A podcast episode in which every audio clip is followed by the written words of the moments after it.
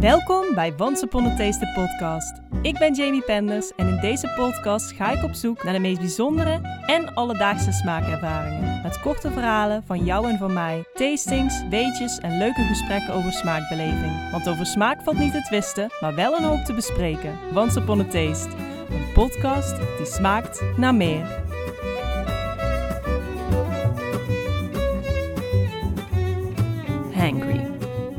Ik spreek uit ervaring als ik zeg dat als je mij niet op tijd te eten geeft, alle sociale normen plotseling lijken te vervallen.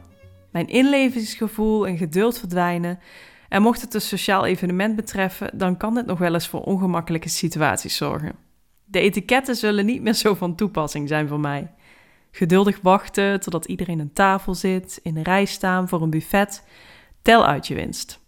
In de tijd dat iedereen heel bescheiden beslist om niet als eerste op te scheppen, is het voor iedereen beter als ik besluit om het initiatief wel te nemen.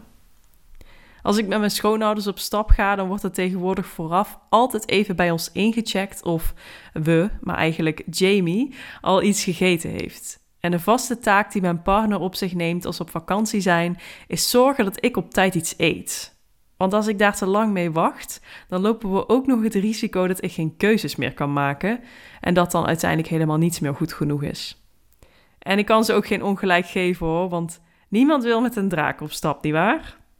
De bekende quote: I'm sorry for what I said when I was hungry. Het spijt me voor wat ik zei toen ik honger had, is hier zeker van toepassing. Het beestje heeft een naam. Bij de een zal het veel sneller voorkomen dan bij de ander, maar ik ben er zeker van dat ik niet de enige ben bij wie dit voorkomt. Want het beestje heeft een naam: Hangry. Sinds 2018 is deze samensmelting van de Engelse woorden hungry, hongerig, en angry, boos, zelfs opgenomen in het Oxford English Dictionary en is dus een officiële term in de Engelse taal. Chagrijnig van de honger.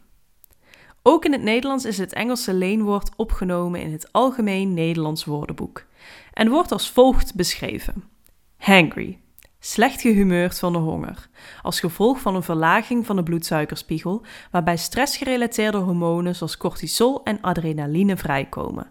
Chagrijnig van de honger dus. Maar hoe komt het nou dat je plots totaal niet meer voor reden vatbaar bent als je niet op tijd eet? Ik ging op onderzoek uit en ontdekte dat het hele proces enorm veel gelijkenissen heeft met een voertuig op vier wielen.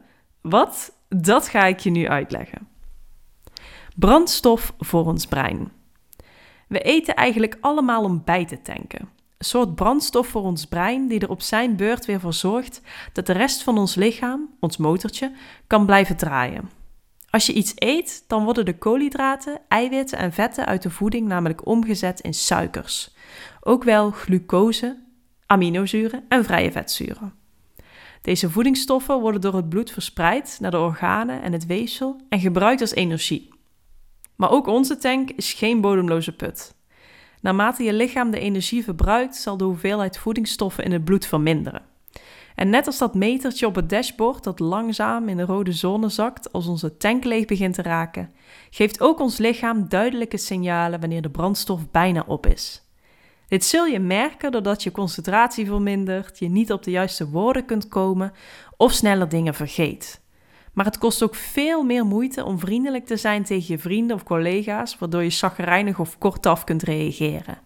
En dit komt omdat je hersenen afhankelijk zijn van glucose om te kunnen functioneren. Onze brandstof. Een kwestie van leven of dood. Als je bloedsuikerspiegel ver genoeg daalt, dan sturen je hersenen instructies naar verschillende organen om hormonen aan te maken die de hoeveelheid suiker in het bloed tijdelijk verhogen. Zodat je als het ware gebruik kunt maken van je restbrandstof. Je bijnieren maken in dit geval de hormonen adrenaline en cortisol aan. Dat zijn dezelfde hormonen die ook aangemaakt worden in stressvolle situaties. En in het bijzonder adrenaline zorgt voor de welbekende vechten, vluchten of bevriezen overlevingsreactie. Je dalende suikerspiegel roept dezelfde reactie op als in een levensbedreigende situatie. Dus of je nu achterna gezeten wordt door een tijger of je lunch hebt overgeslagen, je hersenen registreren deze situatie als gelijkwaardig. Potato potato. Dus de volgende keer dat iemand uitroept dat je niet zo dramatisch moet doen omdat je honger hebt, dan kun je redelijkheidshalve stellen dat het voor je hersenen daadwerkelijk om een kwestie van leven of dood gaat. Het lampje op je dashboard begint te branden. Als het geluk ver te zoeken is. Terwijl de laatste druppels benzine verdampen in onze warme motor, begin je plotseling ook te merken dat de rem niet meer zo soepel werkt. Zou de remvloeistof ook aan vervanging toe zijn? Terwijl de energiereserves opraken, dalen ook je serotonine-levels. Serotonine is een gelukshormoon dat helpt bij het reguleren van emoties zoals boosheid en angst.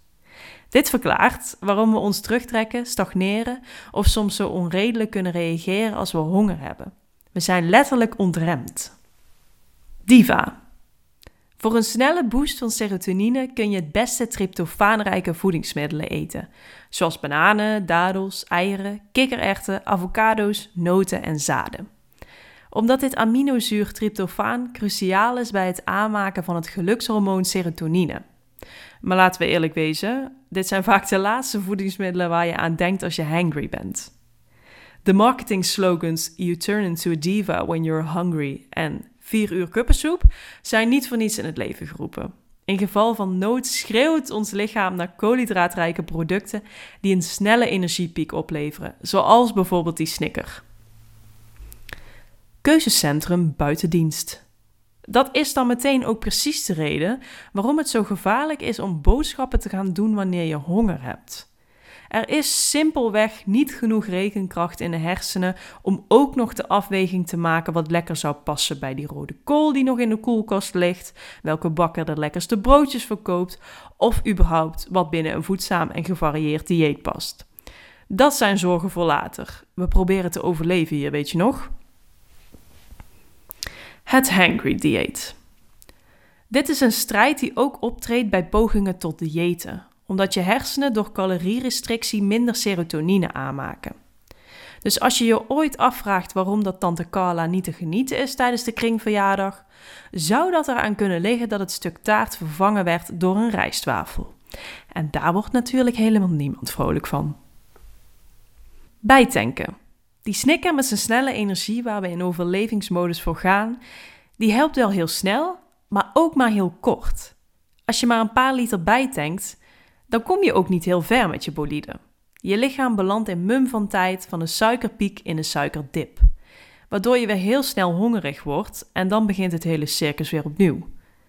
Het is een beetje een dooddoener, maar de gemakkelijkste manier om dit alles te voorkomen is om op tijd iets te eten of om altijd een emergency snack mee te nemen. Maaltijden overslaan is gewoon niet altijd een goed idee voor iedereen, ook al werkt het voor anderen prima. Een Volkswagen Transporter heeft ook een grotere tank dan een Suzuki Alto. In volle tank en een gevulde buik. Kies dus voor natuurlijke voedzame voedingsmiddelen die je lang een vol gevoel geven, zonder te veel lege calorieën te leveren. Want voorkomen is beter dan genezen. Dus ook een voorraad nootjes of granenbiscuits in het dashboardkastje van je auto, fietstas, rugtas of handtas raad ik enorm aan. Een volle tank en een gevulde buik. Het recept voor een prettige reis. En vergeet ook dat flesje water niet als je op pad gaat. Remvloeistof is ook belangrijk. Heb jij de smaak te pakken? Abonneer je dan op deze podcast, zodat je geen enkele aflevering hoeft te missen. Volg me op Instagram at of neem een kijkje op www.onceuponattaste.com. Heb jij een mooi verhaal die je graag wilt delen? Een short story om voor te lezen of misschien een interessante vraag of gespreksonderwerp? Laat het me dan weten via info at Tot de volgende keer bij Once Taste, een podcast die smaakt naar meer.